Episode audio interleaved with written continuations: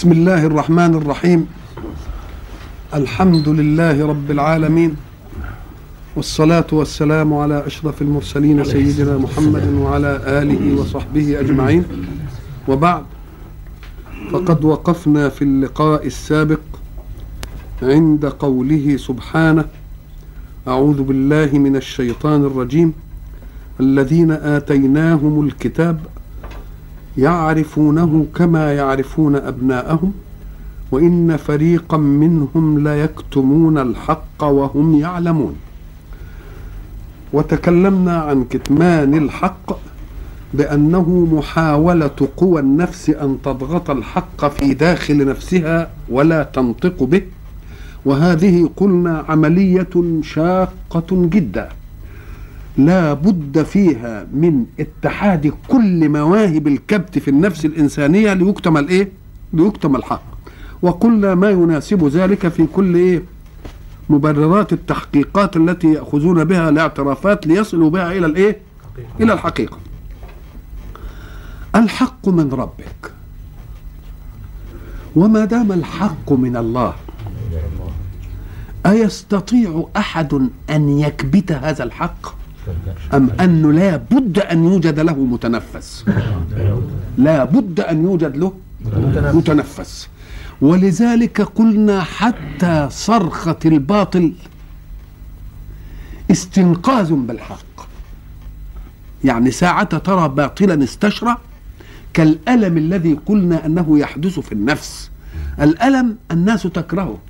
نقول له لا الألم هي صيحة تنبهك على أن ذلك العضو أصابه عطب فيجب أن تتجه إليه بوسائل العافية.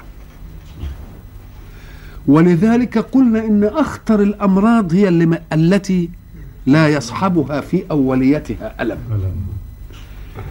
الأمراض التي لم يستطيعوا أن يكتشفوا لها ميكروبات ولا فيروسات.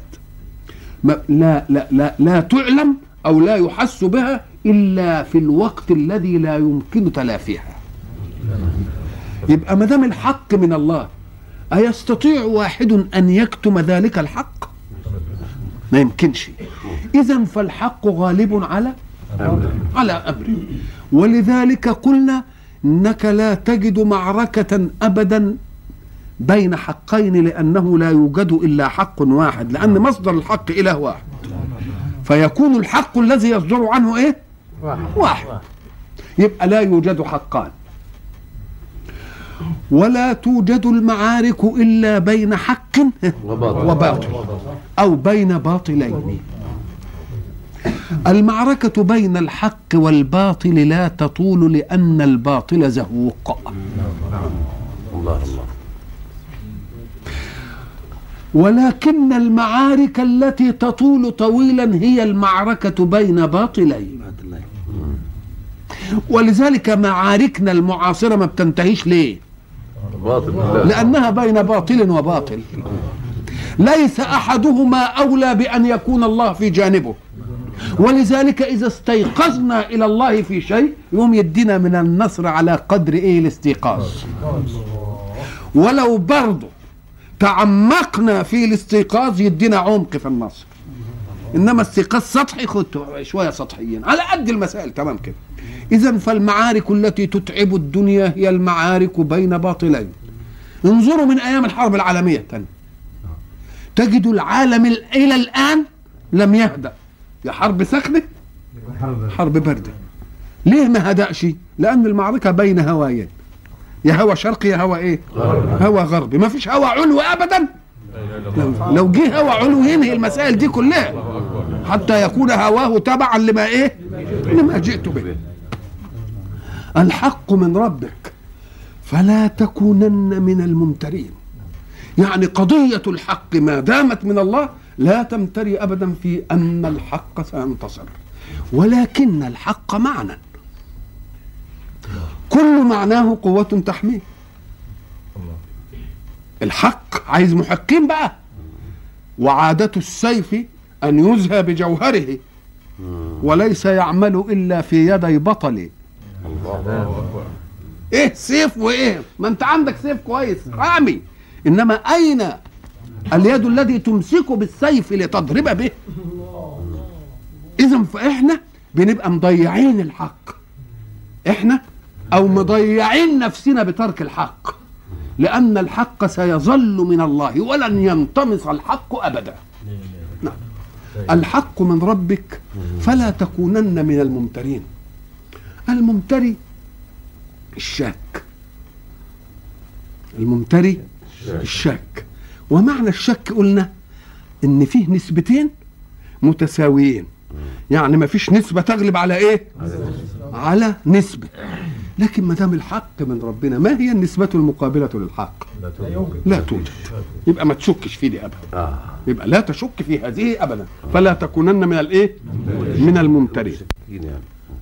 آه ال- ال- الممتري هو الشك وي- ويقعد يجادل يدخل في مراء. مراء وجدل. تجادل.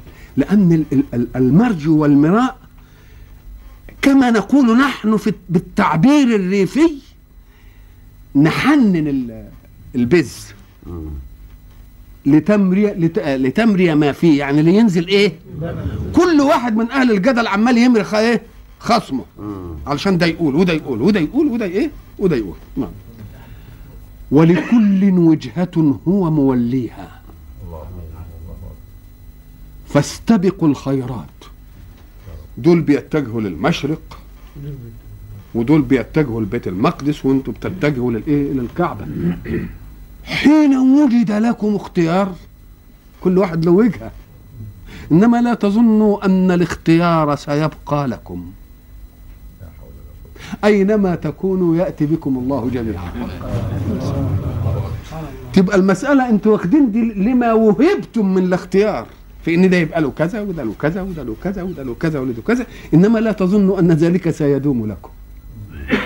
وما دام الأمر عائد إلى الحق الذي منه الحق يبقى استبقوا الخيرات خير لكم. تسابقوا على إيه؟ على الخيرات. نعم. ولكل وجهة هو موليها فاستبقوا الخيرات. أينما تكونوا يأتي بكم الله جميعا. إن الله على كل شيء قدير. فلا تظنوا أنكم باختياركم الموهوب لكم من الله ستظلون على هذا الاختيار. وكل واحد يروح الحتة اللي هو عايزها. سيأتي يوم ينعدم فيه الاختيار وآتي بكم من الجهات دي دي يجي من هنا وده من هنا وده من هنا أينما تكونوا يأتي بكم الله إيه؟ وما دام القادر على أن يأتي بكم من كل جهة جميعا فكان الأولى أن تتسابقوا إلى ما وضع لكم من الخير فتتوجهوا باختصار الطريق إلى ما أحب لكم. ومن حيث خرجت فول وجهك شطر المسجد الحرام. أكدها كم مرة؟ ثلاث مرات لأن العملية كانت عم- عملية صعبة هزة عنيفة والحق سبحانه وتعالى يريد أن يؤكدها تأكيدا ولذلك جاب الثلاثة اللي هو أقل الجمع أقل الإيه؟ الجمع وقلنا إن من الممكن أن تأخذ واحدة للمتجه وهو داخل ال- المسجد وللمتجه وهو خارج المسجد وللمتجه في الإيه؟ في الجهات إيه؟ في الجهات جميعا ومن حيث خرجت؟ فول وجهك شطر المسجد الحرام وإنه للحق من ربك. وما الله بغافل عما تعملون. وبرضو ومن حيث خرجت فول وجهك شطر المسجد الحرام. وحيث ما كنتم فولوا وجوهكم شطره لئلا يكون للناس عليكم حجة. لئلا يكون للناس للمنافقين لليهود للنصارى ما يبقاش لهم وهل للمبطل حجة؟ هي حجة في نظره. هي هي في نظره إيه؟ حجة. إنما هي في الواقع ليست إيه؟ ولذلك يأتي القرآن ويقول إن اعتبروها حجة فقولوا لهم سنسايركم ونقول هي حجة لكم ولكنها داحضة عند ربكم. حجتهم إيه؟ داحضة.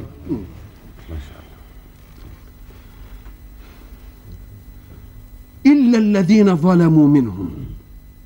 لئلا يكون للناس عليكم حجة. إلا الذين ظلموا منهم فلا تخشوهم واخشوني ولأتم نعمتي عليكم ولعلكم تهتدون. الله. لئلا يكون للناس عليكم حجة في إيه؟ حجة لأنهم كانوا الأول بيتجهوا لإيه؟ لبيت والعلماء في شوية خلافات هنا في الحتة دي. هل ساعة كان رسول الله صلى الله عليه وسلم في مكة؟ أين كان متجهه؟ قبل الهج... قبل الهجرة. أين كان متجهه؟ كان متجهه إلى الكعبة؟ قال قوم لا كان متجهه إلى بيت المقدس لأنه ما حبش يتجه للكعبة وفوقها الإيه؟ الأصنام. وقالوا إنه كان يضمن المسألتين. شوف الدقة الدقة الفطرية. يضمن المسألتين إزاي؟ قال لك كان يتجه إلى بيت الإيه؟ لبيت المقدس. لأن بيت المقدس ما كانش فيه أصنام. بيت المقدس ما فيش فيه أصنام. الكعبة فيها إيه؟ فيها أصنام. يقوم يتجه إلى بيت المقدس بما لا يجعله يخرج عن متجهه إلى الكعبة. يبقى يصلي في الناحية اللي بقى في الناحية اللي تبقى الكعبة كده قدامه بيت المقدس إيه؟ قدامه. شفت برضو الهوى الإيه؟ ما شاء الله. آه يبقى جامع بين إيه؟ جامع بين الاثنين بيت المقدس في الناحية دي كده. كده كويس؟ يقوم هو يتجه إلى بيت المقدس إنما بما لا إيه؟ لا يستدبر به الإيه؟ الكعبة. الكعبة. الله الله. بما لا دي فتنة. آه. لأن ما فيش صر... يعني حاجة صريحة في هذه المسألة. أو أنه كان يتجه إلى ال... إلى ال... إلى الكعبة. والمتجه يختلف بنية المتوجه. متجه. بنية المتوجه. افرض إن في صنم إنما أنا مش متوجه اليه أنا ماليش دعوة بيه. أنا متجه لده إيه آه ولذلك ليه الأعمال بالنيات؟ عشان إيه؟ لأن العمل القالبي قد يختلف ظاهرا مع العمل القلبي. نقوم نقول له العمل القالبي اللي حج فيه إيه؟ النية. الأعمال بإيه؟ هل حينما أسجد الله الملائكة لآدم ايقال إنهم سجدوا لآدم؟ ده سجدوا لأمر الله في السجود لآدم. سجدوا لأمر الله للسجود لمين؟ لآدم. فلو أن المسألة مسألة قالب فقط لقالوا كيف يسجد لغير الله؟ إنما المسألة مسألة إيه؟ قالب وقلب. ساعة ما سجدوا اللي هم سجدوا لآدم ولا سجدوا لأمر الله بالسجود لإيه؟ لمتجه آدم. وهل أنا أسجد للكعبة؟ هل أنا أت... ولا أتوجه إلى متوجه من الله إلى الكعبة؟ بدليل لما قال روح بيت المقدس رحت بيت المقدس. يبقى ما فيش فيها حاجة لها ذاتية هي اللي واخداني. إنما الأمر من الأعلى هو اللي واخدني. لدي لدي قد بعضها. الله. فلا تخشوهم إيه؟ لئلا يكون للناس عليكم حجة. بقى هذا الاتجاه هيقطع الحجة؟ آه حجة من يكون عادلا. إنما اللي اللي يبقى ظالم بقى ما فيش حاجة تخضعه لأن إحنا قلنا إيه؟ ولئن أتيت الذين إيه؟ أوتوا الكتاب بكل آية ما تبعوا إيه؟ وما دام سماهم ظالم ظلمة وما هو الظالم؟ إيه الظالم ده؟ مين الظالم؟ آه ناكر للحق أو مغير وجهة الحق أو ناقل الحق إلى الباطل والباطل إلى الإيه؟ وما دام هم كده بالشكل ده يبقى أنا ليا حجة عندهم؟ آه. فلا تخشوهم. ده تخشوا مين بقى؟ الذين ظلموا. واخشوني. ولأتم نعمتي عليكم ولعلكم تهتدون. أتم نعمتي عليكم؟ آه. لأن بداية النعمة الإيمان. وتمام النعمة تنفيذ مطلوب الإيمان. بقى النعمة إيه؟ الإيمان. ربنا هدانا للإيمان دي نعمة. مش كده؟ طب النعمة تتم إزاي بقى؟ أن مطلوب الإيمان ده أأديه. واادي مطلوب الإيمان بأن يستديم الله علي تكليفاته. فلا تجعلوا التكليفات تنقطع بل أواليكم أنا بالنعم التي تصلح بها إيه؟ تصلح بها حياتكم. وما تتوالاش نعم التكليف من الحق سبحانه وتعالى إلا إذا كنتم هتقبلوا على إيه؟ على تكليفات الله وت- إيه؟ وتعملوه تبقوا عاشقينها وما يبقاش بقى هي قلنا زمان إن الأول ساعة تأتي للعمل الذي كلفت به يبقى هو شاق عليك الأول.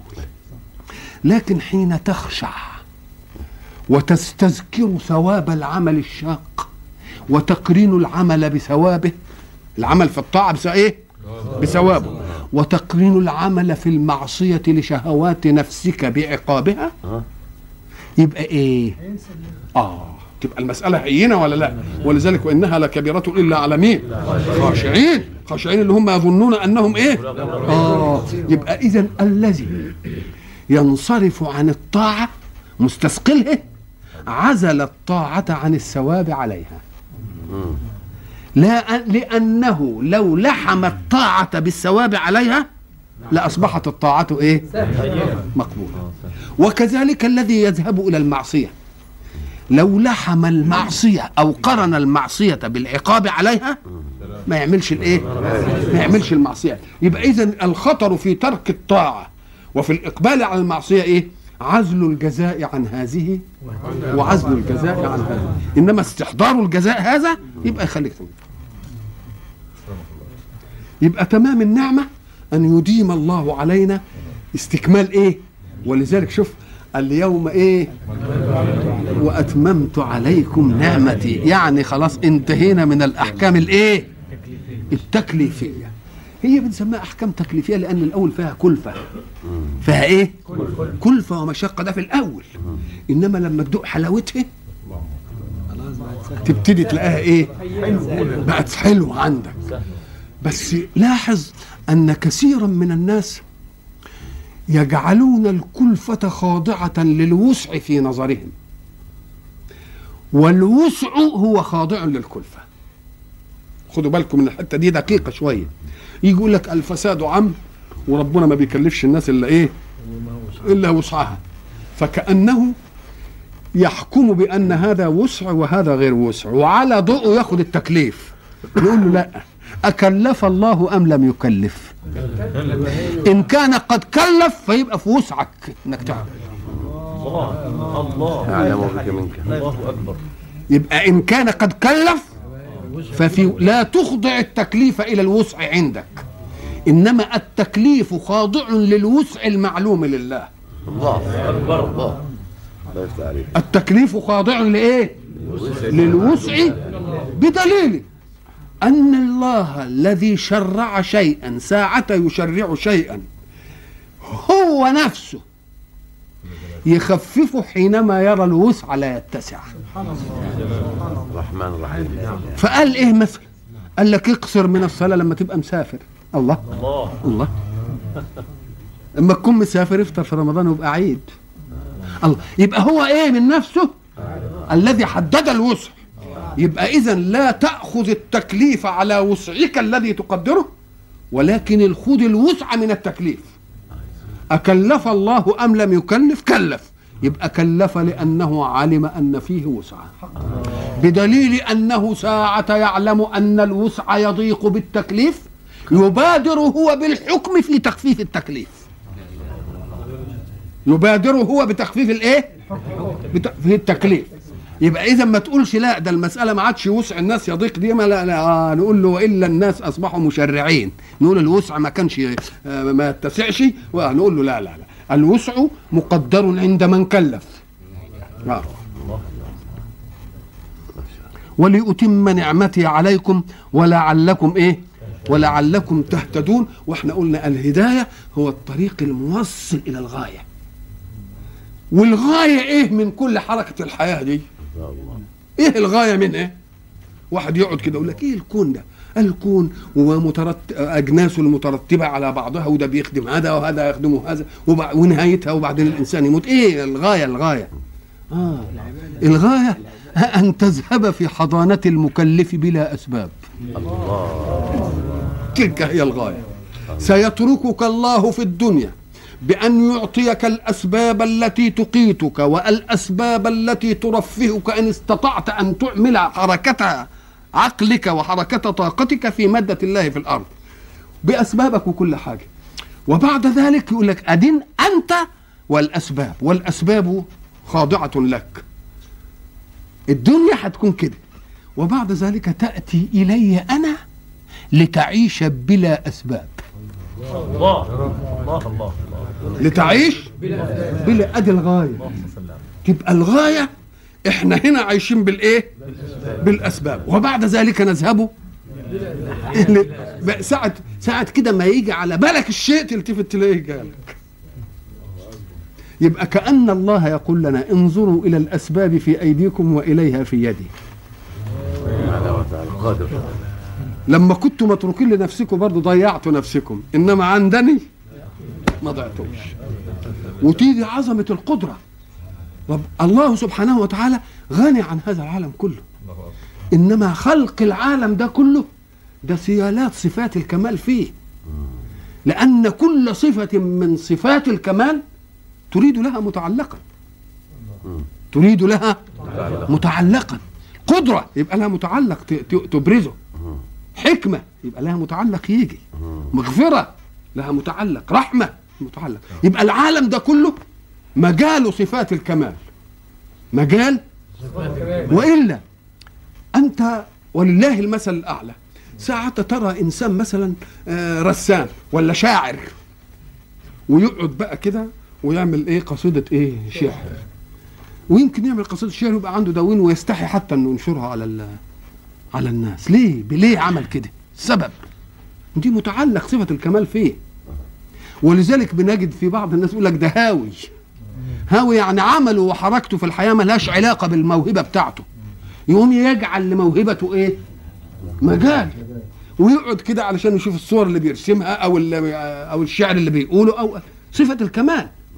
يبقى اذا كل الكون بما فيه من أسرار دي متعلقات صفات مين؟ صفات الكمال. وبعد ذلك ياتي ليعلمنا في الآخرة أنني خلقتكم ولا حاجة بي الله. بل أنتم ستعيشون في كنفي لا بالأسباب التي كانت لكم ولكن بكم مني.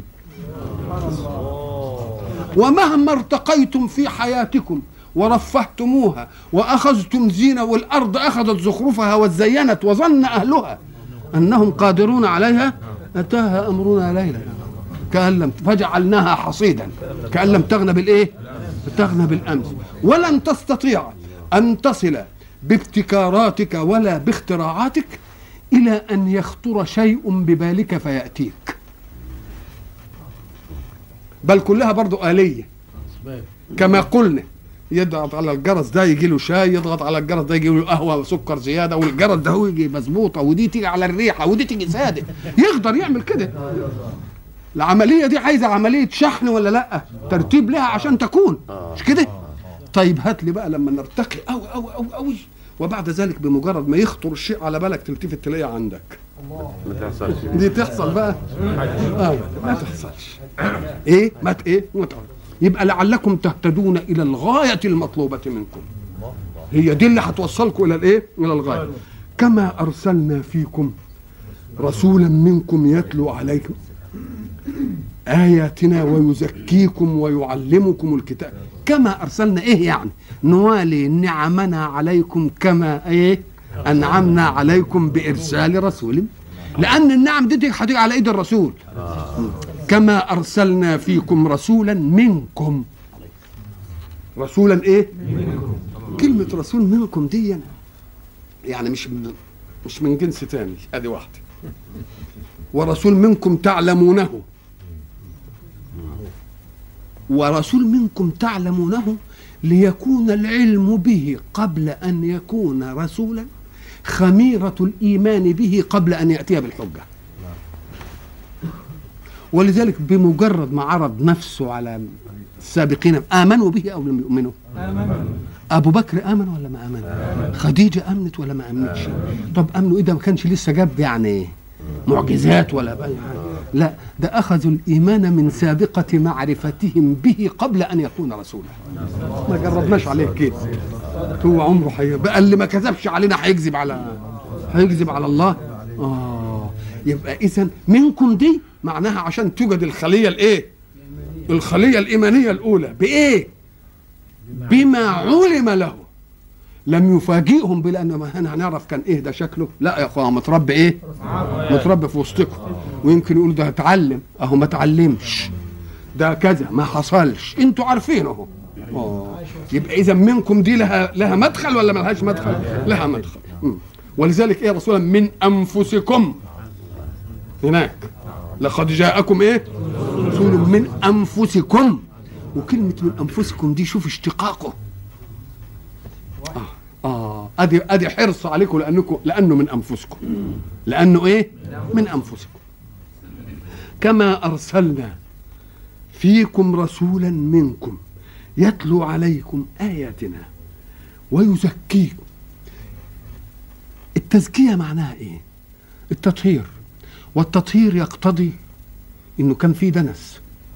نعم الدنس الذي حدث بالغفلة. وأد البنات الخمر؟ الميسر؟ ويكفي عبادة الأحجار اللي بينحتوها الربا. الله كل الربا كل القديم. يبقى بده يطهركم. آه. ويبقى يزكي يعني إيه؟ يطهر. ويزكي ينمي أيضا. الله. معنى التزكية تطهير أي سلب الضار. والتنمية ايجاد النافع يعني جمع لكم بين إيه سلب ضارا وجاء بنافع ويعلمكم الكتاب والحكمة. طبعا الكتاب إذا أطلق انصرف إلى مين؟ إلى القرآن. والحكمة الحكمة هي وضع الشيء في إيه؟ في موضعه. حين تضع الشيء في موضعه يقال إيه؟ بحكمة. مأخوذ من إيه؟ قال لك التكليفات يا تأمرك بفعل شيء يا تنهيك عن إيه؟ عن فعل شيء. الله. يبقى هي دائرة بين الفعل والترك. بين الفعل طيب. الفعل ده توجيه طاقة لحركة تفعلها. الترك ما توجهش الطاقة. الترك. يبقى إذا نظرت إن هي اللي عايزة مجهود. لا لا الفعل. فعلا لأن الفعل عايز توجيه طاقة عشان تفعل. دي كما بتفعلش. ما تعملش حاجة. أم قال لك شوف عشان تعلم أن شهوة النفس هي التي دفعتك إلى أن تذهب إلى المسلوب من الحركة فتفعله. مش كده؟ وإلى المطلوب من الإيجاب فلا تفعله. شوف النفس عملت إيه؟ بقى ال- ال- الفعل بيقتضي منك إيه؟ مجهود وحركة وعدم الفعل. ما فيش ما بيتطلبش حاجة. قال لك لا الحاجة بتاعته النفس. الحاجة بتاعته إيه؟ النفس. ولذلك الحاجة بتاعته النفس دي هي اللي تلح عليك فيسهل عليك الفعل. وحاجة النفس تأتي فيما يطلب على منك الفعل فتجعل الفعل شاقا. يبقى هنا هنا جعلت الفعل إيه؟ وهنا جعلت الفعل إيه؟ شاق. لأن الأمر دائما يأتي على غير إلف النفس في الفعل. والنهي أيضا يأتي على غير إلف النفس في الترك. فالحق سبحانه وتعالى. يقول إيه هنا بقى. ويزكيكم ويعلمكم الكتاب والإيه والحكمة. والحكمة أن تفعل الفعل إن كان الفعل يحقق خيرا. وأن تجتنب الفعل إن كان الفعل يحقق إيه؟ ضر ودي مأخوذة من إيه؟ عشان تعرفوا إن كل الأمور المعنوية تؤخذ دائما من المحسات. اللغة حين تضع لفظا لمعنى من المعاني تجيب من الحس. أهي الحكمة دي ال- ال- الحديدة التي توضع في فم الجواد. في فم الإيه؟ في فم. علشان إيه؟ باللجام؟ آه لتحكم حركته. لتحكم إيه؟ اهي الحكمة هي دي. يبقى شوف خدنا الحكمة من إيه؟ من الحكمة اللي, بتط... اللي... اللي عشان يحب ياكل دي نقول له لا ما تاكلش دي عايز يجمع إحنا آه. يبقى اذا الحكمة أن تضع الشيء إيه؟ في... إن أردته أن يسير أرسلت له اللجام مش كده؟ اريته أن لا يسير شديت الايه اللجام آه، اردت إنه يحوط كده تشد ال- ال- السرعة من الناحية دي. آه، الشمال يمين تبقى ت- آه، توضع حركته. آه. كل حركة لتؤدي إيه؟ لتؤدي لتؤدي الغرض الغرض منها. الحكمة بقى اللي هي الأحاديث النبوية. الأحاديث واذكرن ما يتلى إيه؟ من آيات الله اللي هو القرآن والإيه؟ والحكمة. نعم ويعلمكم ما لم تكونوا تعلمون. ليه؟ لأن ثابت إنكم أمة أمية. ثابت إنكم أمة أمية. فإن بهرتم الدنيا بما تحملون من إشعاعات حضارية عمرانية تقنينية كل دي يبقى لا ي... لا يقولن أحد أبدا ممن يأخذ إشعاعاتكم إن دي هبه ثقافية أو هبه حضارية لأنكم جلابه ما كنتوش تعرفوا حاجة. يبقى كل ما كل اللي جالكم منين؟ يبقى اذا كون الرسول أمي كما قلنا شرف له اولا لأن إن لم يكن أمي يبقى تثقف بثقافات المعاصرين. كون أمي لا ده ثقافته علوية ما. ولا خد ولا حاجة من البشر. يبقى الأميات في أمثالنا نقص ولكنها فيه كمال. ولكنها فيه إيه؟ كمال. لأنه معناه بيقول لا فضل للدنيا عليه أبدا. فكل ما يأتي به سماوي. ليه؟ لأنه لو أخذ من الدنيا لأخذ بما خمرته الأهواء. وهو جاء ليقضي فلا يأخذ من الأهواء ليطفئ الأهواء وإنما يأخذ من السماء ليكبت الأهواء. يأخذ من السماء. يبقى و... ويعلمكم ها ما لم تكونوا إيه؟ ولذلك عمر بن الخطاب رضي الله عنه يقول ما عمر لولا الإسلام. يا سلام. عمر اللي العبقرية بتاعته والفطرة السليمة والرأي الناضي يقول ما عمر لولا الإسلام؟ إيش عمر ده؟ وما قالش من عمر حتى. ده قال ما. شوف إزاي. ويعلمكم ما لم إيه؟ ما لم تكونوا تعلمون. فاذكروني. كل الأفضال دي والنعم والحاجات دي يجب أن لا تنسوها ابدا. وأن تعيشوا دائما في ذكر من؟ أنعم هذه النعم.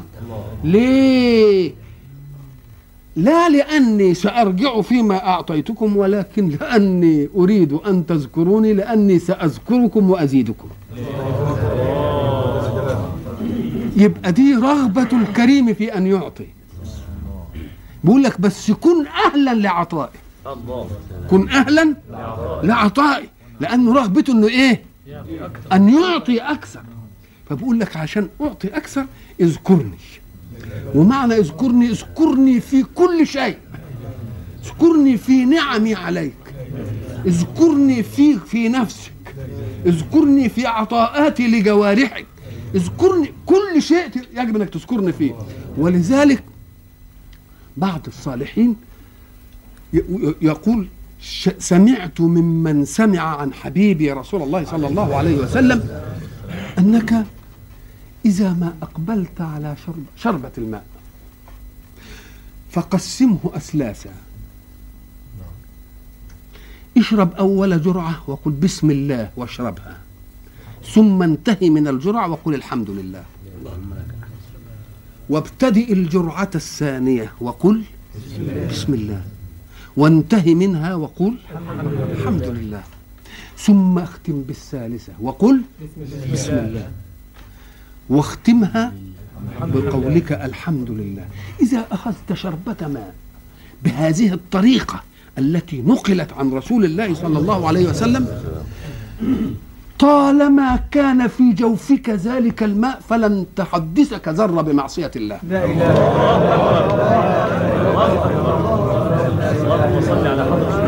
وجربها يوما في نفسك. جربها يوم في نفسك كده. سمي كده. بسم الله وبعدين قول الحمد لله وسمي بسم الله وقول الحمد لله وسمي بسم الله والحمد طالما وجد ذلك الماء في جسمك ما في ذرة تحدثك بانك انت تعصى ربنا فيه ليه؟ لانك استقبلت النعمة بذكر المنعم. ونفضت عن نفسك حولك وقوتك في كل شيء. وليه اشمعنى في الميه لأن الماء في الجوف أشيع.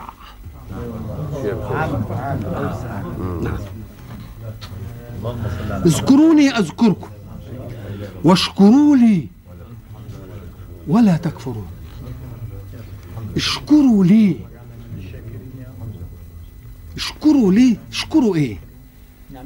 آه يبقى الشكر على النعمة. لأن يعني قد يتضح المنعم إيمانا. ولكنك تأتي للنعم وت... وتفهم. زي كما قيل وقلنا اوتيته على علم.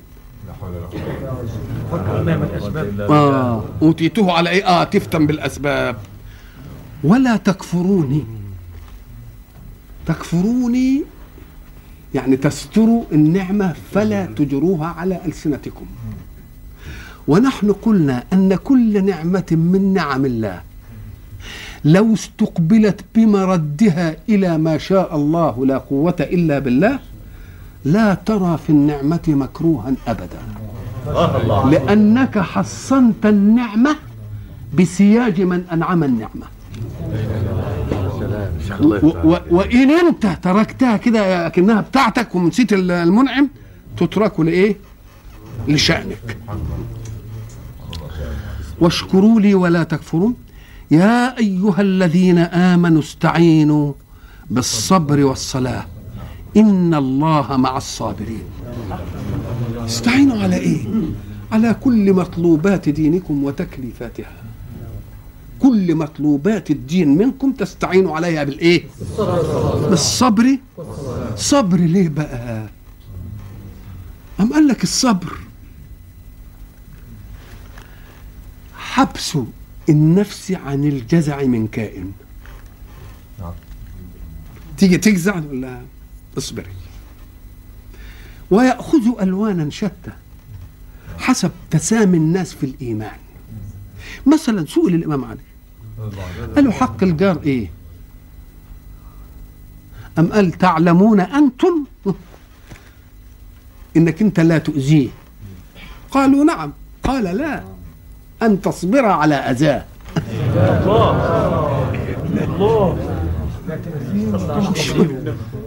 مش بس ما تأذيهش آه شوف تصبر على إيه؟ ارتقاء في الصبر ده ولا لا؟ ارتقاء في إيه؟ في الصبر. وإحنا قلنا ان إن الصبر ده هو المعونة على مشقة الأمر فافعل وعلى مشقة النهي في لا تفعل. لأن الله لا يقول لك افعل ولا تفعل إلا في أمر فافعل من طبيعتك أن لا تفعله. ولا تفعل من طبيعتك أن إيه؟ يبقى هو أخرجك عن الطبع في الإيجاب وأخرجك عن الطبع في السلب. دي عايزة منك إيه؟ تصبر على مشقة التكليف. الصبر ده تعمل إيه يعني؟ أم قال لك إذا ضاقت نفسك بأمر توجيهي أو بنهي توجيهي من الله فاصبر على المشقة أولا. حتى تدرك حلاوتها ثانيا. فإنك إن أخذتها تعبدا ستأخذها فيما بعد عادة. ولذلك بعض الصالحين يقول لك اللهم إني أسألك ألا تكلني إلى نفسي. فإني أخشى يا رب أن لا تسيبني على الطاعة لأنني أصبحت أشتهيها وأنت أمرتنا أن نحارب شهواتنا الله طب إزاي دي تيجي؟ أنا أنا بحبها دلوقتي بقت شهوة آه شوف إزاي؟ انتقلت الطاعة إلى إيه؟ إلى شهوة وهو ما دام بيحارب شهواته يقول لك الله طب ما بقت شهوة ليه؟ آه بقول يا رب أحسن أنا بقيت أحبها بقى المسألة دي يعني. آه شوف إزاي؟ يعني بد- بده يقول إنها بقت إيه؟ التكليف كان شقا اولا ثم صار إيه؟ صورة صار محبوبا ولذلك رسول الله صلى الله عليه وسلم. آه، قلنا سابقا أن شوف ال ال ال ال الأدب النبوي يقول له س- ساعة ما تيجي الصلاة مين اللي كان يؤذن؟ بلال يقول له إيه؟ أرحنا بها يا بلال. أريح أكن إحنا من غيرها نبقى تعبانين. ولما نصليها أنا إيه؟ شوف الفرق بين ما قال- ما قالش أريحنا منها. لأن منها لأن في بعض الناس يقول لك ده بتبقى على كتفي زي الجبل وبعدين بدي أصلي. يقول له لا أنت بترتاح منها ولا بترتاح بها؟ خليك ترتاح بها. معنى ترتاح بها أنك ذهبت إلى أنس بالله المكلف. الله. وما دام ذهبت إلى أنس بالله المكلف إيه ال... إيه ال- التكليف ده اللي يخليك تبقى في محضر ربك؟ الله الله الله الله تكليف في محضر إيه؟ ده الناس بتشقى علشان. يجي لها مناسبة من المناسبات تبقى في محضر رؤ- رؤسائها. ما في كده. فم- فما بالك بقى الإنسان يبقى في إيه؟ يبقى في محضر ربه. وما دام في محضر ربه يقوم يقول يقوم يقول ذكرته بنعمة ولائه لله سبحانه وتعالى فكل أمر شاق يصادفه في حياته يقول أنا لا أواجهه بعبوديتي ولكني أواجهه بربوبيته. يبقى يبقى ترتاح ولا لأ؟ لو إن شيء شق كده والبعض الإنسان الواحد افتكر حنان أبوه عليه. افتكر إن أبوه هو اللي بيجيب له مش عارف افتكر إن أبوه كده يبقى لا كرب وأنت إيه؟ وأنت لا رب. كرب وأنت رب. وقلنا اللي له أب ما بيحملش إيه؟ هم. يبقى اللي له رب يعمل إيه؟ يختشي على عرضه ولا لأ؟ يا أيها الذين آمنوا استعينوا بالصبر والصلاة. إن الله مع الصابرين. إن الله مع الصابرين. طب واجه الحياة في معية الله. ده أنت لو واجهت مشاكل الحياة في معية أقوى منك ذرة تواجه ال- الأمور كلها بإيه بشجاعة ولا لأ؟ طب أنت في معية من؟ في و و وكل شيء في الوجود أثر من آثار فعل الله. وأنت تواجه الأمر بالفاعل. أيجرؤ فعل أن يقف معك وأنت مع الله؟ ولذلك قلنا إن الأحداث لا تستبد بالخلق إلا ساعة ينفلتون من الله الله. إنما إنسان عايش في حضانة ربه؟